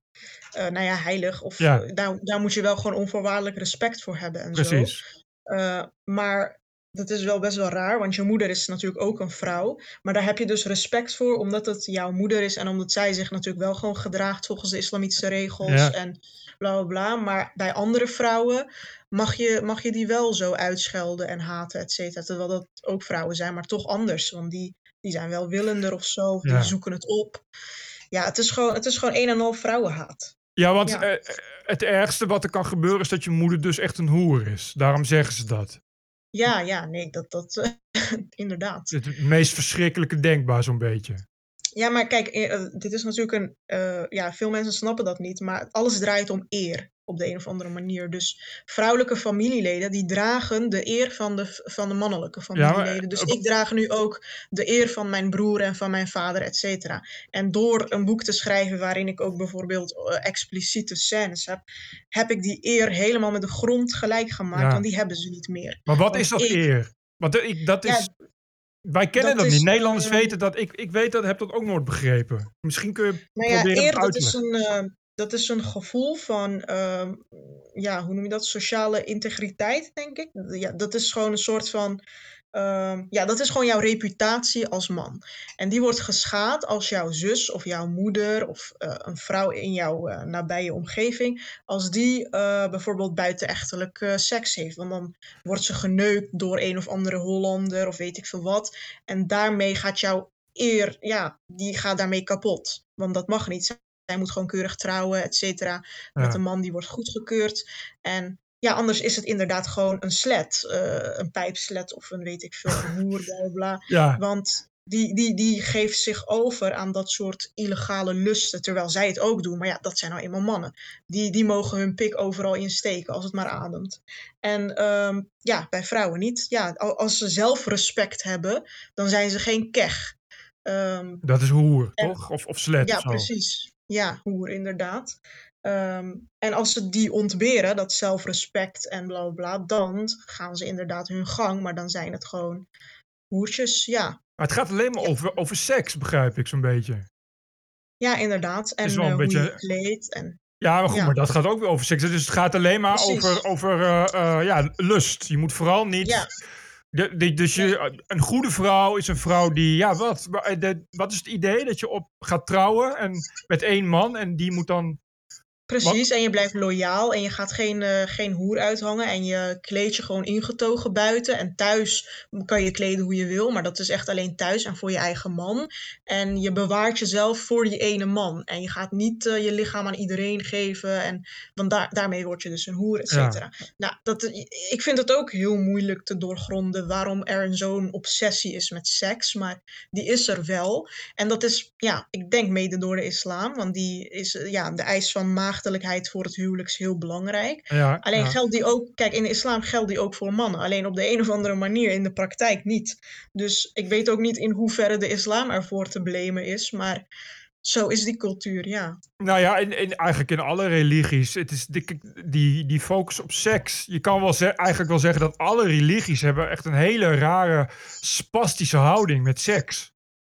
Weet je, Ja. Dus het is in alle religies hetzelfde. Is, is als je maar niet, inderdaad zeker als vrouw, ja, als je maar niet, niet te veel eh, lust bevredigt en zo. Want dat is echt, eh, ja, dan ga je naar de hel. Weet je, dus je Ja, moet, ik heb, eh, ik heb na mijn tv-optredens heel veel mailtjes gehad. Ik heb ze nog niet eens allemaal Ja. gelezen, maar dat zijn van Nederlandse christelijke oudere vrouwen of mensen die eh, van een Jehovah-getuigenfamilie Ja, ja. komen, et cetera. En die hebben ja, soortgelijke verhalen inderdaad. Van ik ging Ja. samenwonen met een vriend Precies. of ik ging trouwen met iemand van een andere kerk. En dat, toen was ik eh, over de puthaak getrouwd. En Ja. eh, toen ging ik hokken. En, dat, eh, Ja. en toen werd ik ook ehm, snode hoer genoemd, et cetera. Dus dan denk ik wel van ja, dat, kijk, 40, 45 jaar geleden was het in dit land kennelijk niet anders in sommige milieus. nee, helemaal En, niet. ja. Nee, maar ik, ik, Ja. ik, wat ik zeg, ik ben christelijk opgevoed. eh, en dat is Ja. hetzelfde. Het, is, je, je, het gaat echt om, om ja, zedigheid. Dus. Ja. Eh, eh, en, en, en, en er is, ik ken alleen de Bijbel, maar ik weet zeker dat de Koran en de, en de Torah precies zo. Het is echt die focus op seksualiteit en vooral vrouwelijke seksualiteit. Weet je, dat is Ja. echt, echt iets waar, waar echt heel spastisch over wordt gedaan. Het is natuurlijk ook begrijpelijk, omdat ja, eh, seks neemt natuurlijk een enorme, enorme eh, eh, groot gedeelte van je leven in. Hè? Dat is iets waar iedereen dagelijks mee bezig is en mee wordt geconfronteerd. En natuurlijk heel, he- heel heftig is. Maar het is wel dat ik, dat, dat ik altijd denk van hoe kan het toch dat ze daar nooit... dat er nooit iets, iets, iets positiever uit is gekomen. Hè? Dat ze dat niet hebben kunnen zien als een soort... Ja, ook iets waarvan je, waar je van kunt genieten of zo.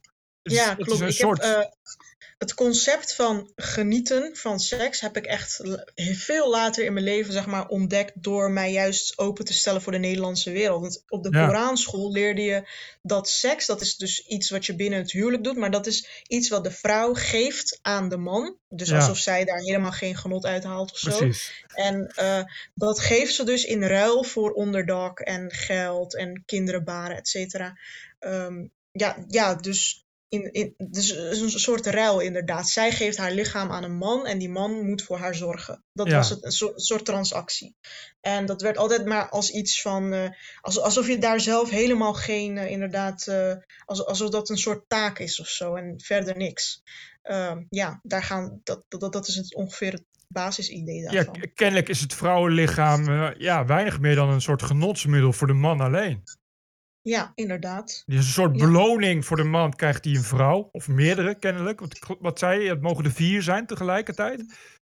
Ja, inderdaad. Van de En- islam wel inderdaad. ja. Het wordt niet in de praktijk uitgevoerd, want het is gewoon super duur en zo. Maar ehm, ja. Ja, precies. ja, precies. En maar, maar goed, en, en, maar die vrouw zelf mag daar verder ook niet van genieten. Die moet gewoon dat aan de man geven. nee, het, het ging nooit over genot of ervan mogen genieten of zo. Ja, het was een soort taak, inderdaad. Dat, Ja. eh, even, we zijn al een uur bezig. eh, en, Ja. en dat lijkt me wel. Ik, ik, ik vind altijd na een uur word ik altijd wel een beetje moe. Eh, eh, jij misschien ook. Want bovendien heb je al eh, heel veel interviews afgegeven. En je zei ook van nou, ik ga ermee stoppen. En, maar je wilde voor mijn podcast, ben ik heel blij mee. eh, wilde, je, wilde je dat alsnog doen? Dus opnieuw stel je je nu weer, ja, hè, eh, eh, ga je naar de buitenwereld, wat je misschien wel weer een nieuwe lading bedreigingen oplevert.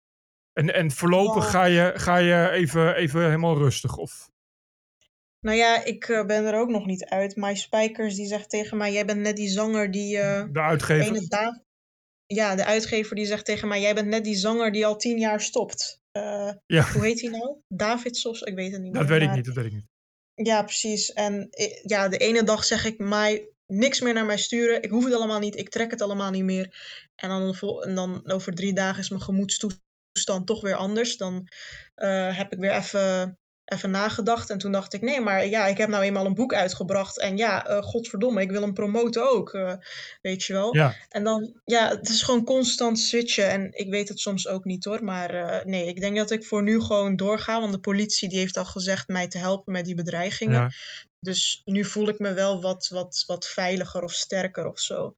En het was gewoon even moeilijk toen al die berichten binnenkwamen. En toen heb ik wel gezegd van, sorry Mai, ik wil even niks meer doen. Ik had ook nee gezegd tegen de vooravond, echt drie keer al. En op één heeft me nog, eh, nog heel vaak gevraagd of ik mijn mening wou geven over Erdogan. Want er was een onderzoek naar buiten gekomen of zo. ja. Ehm, en ik zei ook gelijk van nee, maar dat ga ik echt nooit doen, weet je wel. Dan heb ik straks die hele aanhang achter me Ja. Dus eh, nee, ik moet niet eh, en de islam en Erdogan, weet je wel. Dan, dan roep ik het echt een beetje. Het is gewoon het lot tarten eigenlijk, de goden verzoeken. ja. Dus dat, ik heb gewoon nee gezegd tegen heel veel dingen. Maar nu denk ik wel weer van ja, misschien is dat juist een soort zwakte en opgeven. En misschien moet ik juist gewoon wel gewoon dingen blijven doen. Ja, ik weet het niet. Maar Nou, ik heb nog geen definitieve eh, beslissing daarover. Ik, ik vind, kijk, zwak is het niet. Je bent, je bent zo sterk als dat je je voelt. En op het moment dat je wordt bedreigd. Eh, Ja. voor iedereen is er een grens. En voor de een ligt de grens natuurlijk lager dan voor de ander. Eh, ik, ik Ja. vind wel, dat hoop ik echt, dat je gewoon doorgaat. Je ik, als je zo'n talent hebt. eh, je bent ook Ja. iemand die, die inderdaad. daar goed over kan praten en dat goed kan uitleggen. En ik denk dat dat heel belangrijk is. Want wa- als ik jouw verhaal zo hoor, heb ik niet het idee dat het, dat het de afgelopen jaren, sinds de jaren 90, goed is gegaan met de integratie van moslims in Nederland. Nee, maar ik heb dat ook in mijn boek geschreven, weet je, dat dan iemand van de P van de A op de Koranschool kwam Ja. flyeren. En eh, ja, dat, dat is natuurlijk ook super gek, want ze zijn een progressieve partij en dan gaan ze toch bij een soort Oriëntaalse SGP, dus Precies. eh moder, moderniteitssceptisch, a- homofoob, eh, weet je wel, antifeministisch, bla, bla, gewoon al, alles erop en eraan, vrouwen die achter de mannen bidden, et cetera. Dat ze daar toch, eh, ja, een soort van een, een dat, dat, ja, dat ze daar stemvee in zien. Nou, nu is dat wel veranderd. Nu hebben ze Denk. Dus dat is wel echt iets Ja. van. Ja, maar ook dat komt weer uit de P van de A. Dus ja, je, je kent het wel. Nee, maar even, hoe, hoe, zou, hoe zou het eruit moeten zien volgens jou? Als je nu, naar, naar, als je nu analfabeet bent, dus, hè, en je komt uit Turkije en je komt naar Nederland, wat zou er dan moeten gebeuren volgens jou? Ehm, ja, een soort, niet alleen zeg maar de taal leren, et cetera, sowieso dat. En, en werk aan, gewoon verplicht eigenlijk bijna worden om te gaan werken. Eh, maar ook gewoon dat je de westerse waarden gewoon moet, moet, moet leren en ook gewoon moet onderschrijven.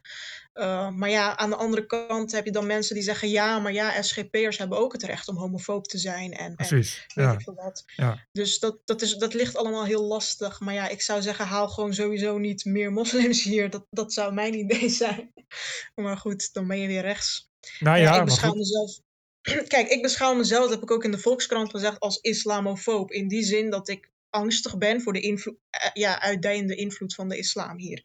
Ik zou niet willen wonen in een stad uh, zoals uh, Rotterdam of zo, dat dat, dat dat op een gegeven moment 90% islamitisch is en dat ook mijn huisarts islamitisch is en alle docenten, et cetera, wat nu nog niet gelukkig het geval is. Maar dan moet, dan moet je je voorstellen dat je bijvoorbeeld voor een SOA-test naar een islamitische huisarts gaat of zo. En dat, dat... dat die je maar gaat oordelen of, of snap je? Niet. Ja, precies. En, ehm, die belt dan je ouders of zo, weet je ja, wel. Precies, ja, inderdaad. Die, die gaat dan in de moskee dat tegen mijn ouders zeggen of zo. Ja. En je moet, je moet je maar voorstellen dat de politie ook islamitisch is, zoals in landen als Turkije. Kijk, in Turkije kan je wel zeg maar, naar de politie gaan en zeggen van... Uh, ik heb een boek geschreven over uh, wat uh, heel erg tegen de islam is en bescherm mij. Maar die politie, als, als dat toevallig een Erdogan-aanhanger is of conservatief... die gaat niet zijn best doen om jou te helpen. Dus het maakt wel degelijk uit of een land veel moslims bevat of niet. En daarom zeg ik ook, uh, zou, gaat die immigratie stoppen? Ja, ben ik daar gewoon eerlijk in. Vinden mensen mij neonazi voor? Nou, oké, okay, be my guest. Ja, goed. Maar dat vinden ze toch al snel. Dus dat maakt dan ook niet uit. Nee, maar ik, ik, ik, ben het verder, ik begrijp het verder, verder voorkomen. Maar goed, het is natuurlijk, we kunnen uh, uh, met z'n twee al snel concluderen dat die migratie niet zomaar gaat stoppen. dus dus ik, ja. ik, ik denk dan wat vanuit jouw ervaring, hoe kan dat het beste worden geregeld? Moet je dan als overheid, zoals ik zelf al zei er straks, moet je dan uh, achter de voordeur komen kijken? Moet je dan bij Turkse gezinnen die hierheen zijn nee, geëmigreerd? Nee, nee. Dat is de, vind je ik dus kan, dus moeilijker. Nee, er zijn heel veel dingen die je kunt doen. Uh, sowieso wordt het gesubsidieerd allemaal. Hè? Dus die moskeeën, Ach, ja. Koran, internaten, ja, ja. islamitische scholen. Wordt allemaal met overheidsgeld betaald. Uh, dat kun je bijvoorbeeld stoppen, want dan moeten ze het zelf betalen. En dan zul je zien dat er veel minder mensen daar bereid voor zijn. Uh, maar ook zo'n lyceum als het Van Haga en zo. Dat wordt allemaal door de belastingbetaler betaald. Ja, ja, ja. Uh, nou, dan zul je hebben dat ze buitenlandse financiering uh, zullen aanvragen van oliesheiks en zo. Maar die hebben dan weer die salafistische islam. Dus zal de invloed van het salafisme groeien. Dat moet je ook niet willen. Ja, en dat moet je natuurlijk ook stoppen. Dus je moet die lange arm, zoals ze dat noemen. Ja, ik noem precies. het een vrijwillige prothese, want het is helemaal geen lange arm. is, ja, ja, precies. Dus dat moet je gewoon niet willen. En je moet gewoon zeggen. Ja, die, gewoon die hele discussie wat we al jaren voeren. Eh, tolerant voor intolerantie, bla bla bla. Maar nooit wordt er eens echt gewoon concreet een beslissing gemaakt van nu gaan we dat niet meer toelaten. Want wij maken ons zorgen over de invloed van, van de islam of van het salafisme, of hoe je het ook mag noemen. Uh, ja, en dan zul je zien dat het vanzelf uh, ingeperkt wordt. Maar ja, dat moet, dat moet dan wel gebeuren. Nou ja, nee, dat, dat wordt dus niet ingeperkt. Dat zou, dat zou dus moet, zo moeten zijn. En kijk, die discussie werd dus ook al, uh, uh, al lang gevoerd toen jouw ouders naar Nederland kwamen. Ja, precies. Dat, dat, dat schiet nooit op. Dat is steeds dezelfde uh, discussie. En ja, islamitische scholen die hebben excellente resultaten en zijn juist goed voor de integratie. Uh, ja, dat, dat is dus niet zo.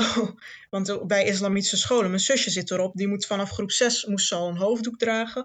En die krijgt gescheiden gymles. Over cartoons leert ze niet haar mening geven, maar dat dat gewoon slecht is. Over uh, Israël leert ze niet haar mening geven, maar dat het gewoon de belichaming is van het kwaad. Ja, ja, en ja die dingen krijgen gewoon opge... Dus je kan wel excellente resultaten halen. Oké, okay, je hebt uh, ook uh, moslims die bij IS zaten en drones konden maken. Die, ik weet daarvan zeker dat ze excelleren in wiskunde. Precies. Maar uh, vrijdenkers zijn het niet. Dus je moet ook niet, je, je, hoe noem je dat, je schil staren op die resultaten of wat dan ook. Dat is geen integratie. Nee, het gaat om die normen en waarden. Het gaat om in hoeverre kan je een ander tolereren, et cetera. Maar, maar dan moet je gaan zeggen, ja, kinderen, kinderen moeten verplicht naar, naar, ja, wat moet ik zeggen, seculiere scholen. Ja, um, ook, ook dat is weer een probleem. Hè? Dat, dat staat haaks op de grondwet, vrijheid van onderwijs. Dus, en, ja. en het is niet, ik, ik bedoel, ik probeer niet uh, tackelen hierin, maar ik, ik probeer te zeggen ja. ja. dat het zo moeilijk is. En, en, maar wat kan er wel worden gedaan? Want als ik jouw verhaal hoor, ik ben echt toch weer, en ik weet er al veel van, en ik heb het al vaak gehoord, maar ik ben toch weer geschokt. Ik vind het onbegrijpelijk dat je in, in uh, voorbij het jaar 2000 op straat kan worden uitgescholden omdat je geen hoofddoekje hebt. Dat gebeurt, ja. in, dat gebeurt in Iran, in Afghanistan. Maar kennelijk ook nou, gewoon in Nederland. Ja, sowieso. In Amsterdam-West sowieso. Ik heb ook heel vaak gehad dat ik uh, mini-deo in mijn zakken moest hebben, omdat ik dus als barvrouw werkte en dan naar huis Ja. moest lopen soms een stukje. En dat ik dan constant werd lastiggevallen omdat ik geen hoofddoek op had en make-up, et cetera. En dan had ik gewoon zo'n deo of een sleutelbos in mijn hand van je weet maar nooit. En ja, gelukkig kwam het dan nooit tot fysiek eh, geweld, maar wel verbaal inderdaad. En het is toch wel intimiderend. Ehm, En dat is, dat is omdat zij, zij zien dat je Turks bent en geen hoofddoekje op hebt. Ja, of gewoon een, een vrouw met eh Zo is- rondingen die ze dan... eh, Sowieso een vrouw. Ja, gewoon een vrouw die er welwillend uitziet. Dat is het.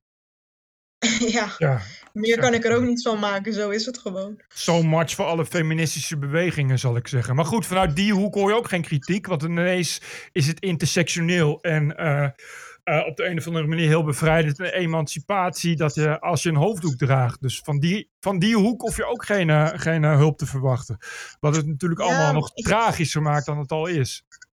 Ja, ik snap dat ook niet. Want inderdaad, die feministische mensen of linkse mensen, die zullen wel een SGP'er sneller belachelijk maken dan een moslima. Omdat die, ja, ik weet niet, misschien omdat ze leuk lachen of gezellig zijn, dat ze dat niet durven of zo. Van, van jij draagt een hoofddoek en ik vind dat eigenlijk niet feministisch. Geen idee waar het aan ligt, maar misschien omdat ze samen. Ja, kijk, die moslima's, die, ik snap wel dat, die, dat dat aardige mensen zijn en dat die jou couscous aanbieden en gezellige mensen en gastvrij Ja. en bla bla bla. En dat je dan misschien denkt van, goh, misschien moeten we ze met rust laten en niet vermoeien met eh, waarom draag je eigenlijk die hoofddoek als je jezelf een feminist noemt, et cetera.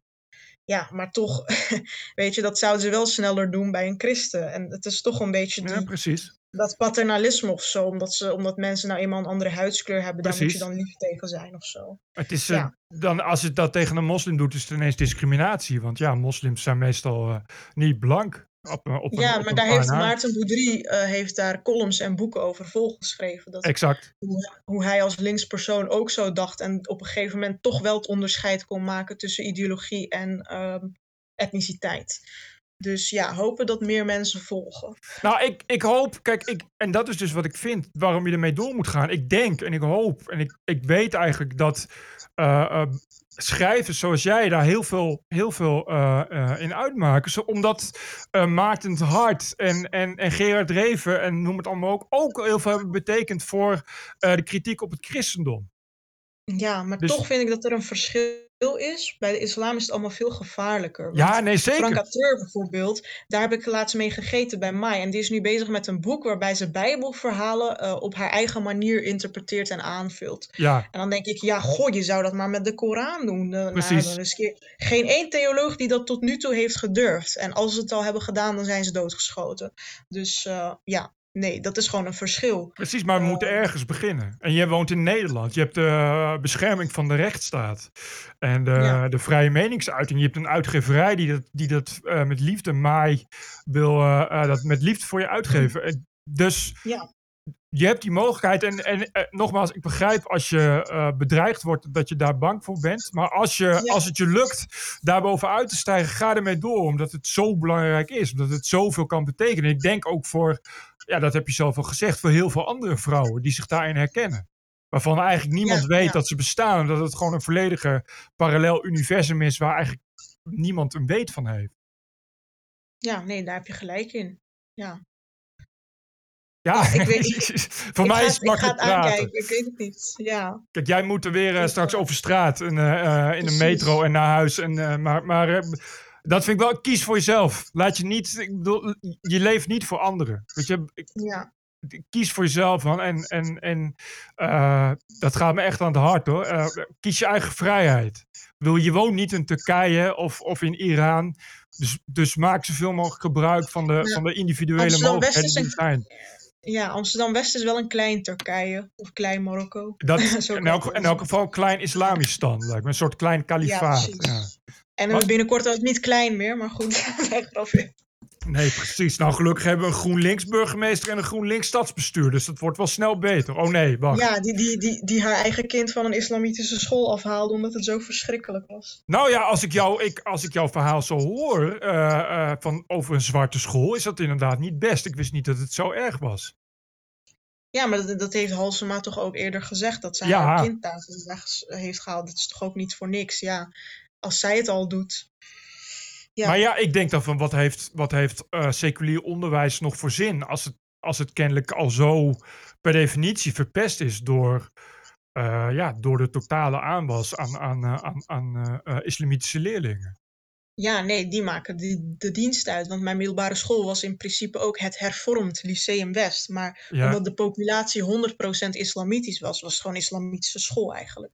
Dus daar, werden ook, daar werd je ook als homo gewoon weggepest. Of uh, Ja, kreeg je suicidale neigingen. En, weet je, en, eh, en als meisje lastig gevallen, et cetera. Dus ja, de, de populatie maakt echt wel de dienst uit.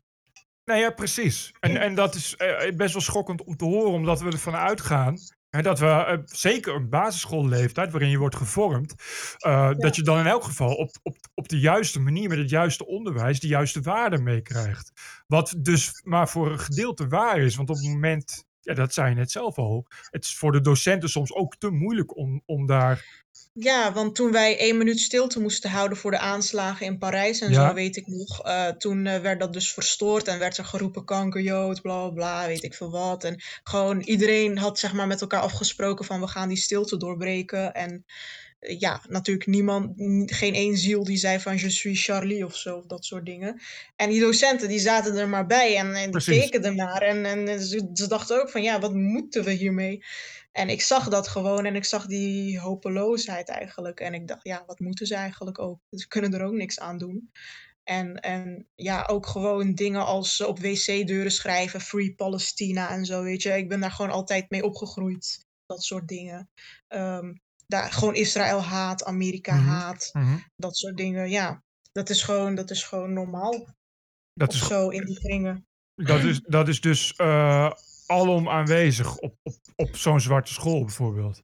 Ja, tuurlijk. En als je juist daar tegen, tegen, als je daar tegenin gaat, dan ben je juist, ja, dan word je gewoon sociaal geslacht eigenlijk. Ja. Dus dan eh, gaat niemand met je, meer met je om, et cetera. En dan ben je altijd die, die ene hoer of zo, of die islamhater, of, of, of, kontelikker van het Westen, waar bijvoorbeeld ook imams als Yassin el-Forkani en zo. Dat, dat, daar ben ik trouwens ook mee opgegroeid altijd. Van die Yassin el-Forkani, dat is Ja. een kontelikker van, van, van ongelovigen. Dat is ook zo'n mainstream idee. Eh, dat imams die daarin meegaan of kritisch zijn op de eigen gemeenschap, dat dat kontelikkers zijn. Of alles, ja, mensen die alles doen voor geld, et cetera. Ja, precies. Ja. Want, want die, terwijl die El Fokani, eh, die is toch eigenlijk wel eh, soms een beetje gelieerd aan de moslimbroeders, begrijp ik. Maar, Ja, de- maar bij de moslims staat hij bekend als gewoon kontelikker van ongelovigen. ja, ja, die is veel te, die is niet streng Veel te genoeg. vrij. Precies. Ja, Ah. maar die heeft ook bijvoorbeeld op Twitter zijn steun aan mij uitgesproken. En toen kreeg Ja. hij ook bakkenbagger over zich heen. Dus ja. Maar bijvoorbeeld Arnoud van Doorn, die werd juist geprezen van ja, eh, inderdaad. Ook Oh, geloof dat hij, Eh, hij, ging, hij ging aangifte tegen je doen, toch? Omdat je een vuile hond Ja, hij had heeft genoemd. aangifte tegen me gedaan en hij heeft over mij getweet, waardoor hij een soort hondenfluitje gaf. Waardoor Uh-huh. ik dus nog meer berichten heb gekregen. Maar eh, ja, en hij ging het ook naar het Turks vertalen. Want in de Turkse media is hij best wel groot. En ook in de Arabische wereld. Ja, in Ah, nou Nederland ja, is, het een soort, is het een soort sukkel of zo. Maar in de Arabische wereld en de islamitische wereld is hij echt eh, heel groot. En hij is daar ook heel vaak op tv. Samen met, eh, ook, ook Kuzu is trouwens ook heel vaak op Ja, tv. ja, ja. Maar ja, dat is echt zo'n zo'n belangrijk figuur. En als hij over mij tweet van dit is een grote islamhater en ze laat Allah praten in haar boek. Ja, een, een eh, duidelijker hondenfluitje heb je zeg maar niet. En ik denk ook niet dat ik Turkije meer inkom, dat weet ik wel zeker. Dat zou ik sowieso Dus- niet eh, proberen eh, als ik jou Nee, was. nee, ben ik ook niet van plan of zo. Ik wou net zeggen, ik weet niet of je, of je eh, überhaupt gehecht bent aan, want het is niet eens je moederland. Ik wil zeggen moederland, maar je bent hier geboren. Dus Ja. oh. Nee, ik heb er ook niks mee hoor. nee, precies. Maar dat, dat is geen, eh, geen veilig land, zal ik maar zeggen, voor, eh, voor, voor critici. Nee, nee, zeker niet. Duizenden journalisten zitten in de bak. ik en, wou net eh, zeggen. Ik, En eh, eh, ook islamcritici moesten allemaal het land ontvluchten. Dus ja. Nee, maar, dat goed, maar, maar daar heb je geen last van. Ehm, ja, we, waren, waren, ja, ga je door met schrijven zelf, überhaupt? Ook als je het niet publiceert. Want je, je kan ook zeggen, ik verdwijn uit de media, maar ik blijf gewoon schrijfster. Ik kan altijd nog een Ehm, pseudoniem schrijven of zo. Ja, schrijven is wel een soort eh, drang van mij. Dus ik Ja. zal wel altijd blijven schrijven. Alleen weet ik dus niet wanneer ik dat zou publiceren en of ik het Ja. zou publiceren. En eh, ja, of ik mezelf zou dwingen in een keurslijf van niet over de islam schrijven, maar wel over andere dingen of zo. Maar ja, dat is alsof je tegen een arts zegt van je mag niet over gezondheid schrijven of zo. Dat is nou gewoon eenmaal wat mij bezighoudt en wat, wat ik observeer en wat, wat ik interessant vind. Nou ja, precies. Dus Kijk, ja, precies. Dat schrijven komt van binnen natuurlijk. Weet je, het, komt van binnenuit. En, en ja, je gevoel eh, zit nou eenmaal, eenmaal daar. Dat zijn de dingen waar je, waar je het meest aan voelt en over opwint. Dus je kan, dat, dat, Ja, dat kun je niet weglaten. Ja, goed. Nou ja, ga ermee door hoor. Ik, eh, ik, ik eh, kan niet anders zeggen. Dit is het beste wat je kan doen, denk ik. Ja, dankjewel, waardeer ik. Ja, ik, ik, eh, en dat is toch eh, eh, zonder dat ik je boek heb gelezen. Misschien is het al heel slecht, maar vast niet. Maar ik bedoel, je bent een van de weinigen die kennelijk uit die wereld komt, die dat ook nog op, op zo'n goede manier weet neer te zetten en daar zo goed over kan praten. En dat is denk ik heel waardevol. Dus, Ja, dus geef nee. dat nooit op, zolang je het trekt. Maar goed, dat, dat vind ik wel, je moet, eh, eh, je moet zelf beslissen, weet je, wanneer bedreigingen te veel zijn. En wanneer eh, de stress te veel is en weet ik veel wat. Daar hoef je je niet voor te schamen, denk ik.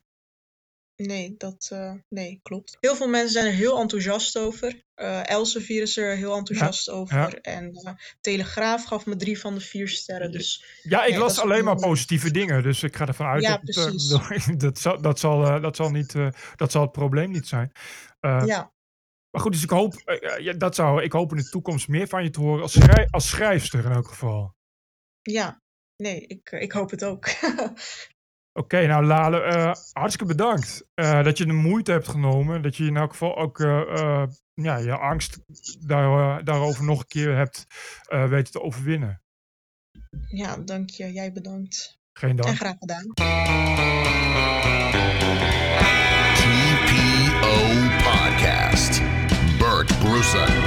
Roderick Phalo, Ranting and Reason.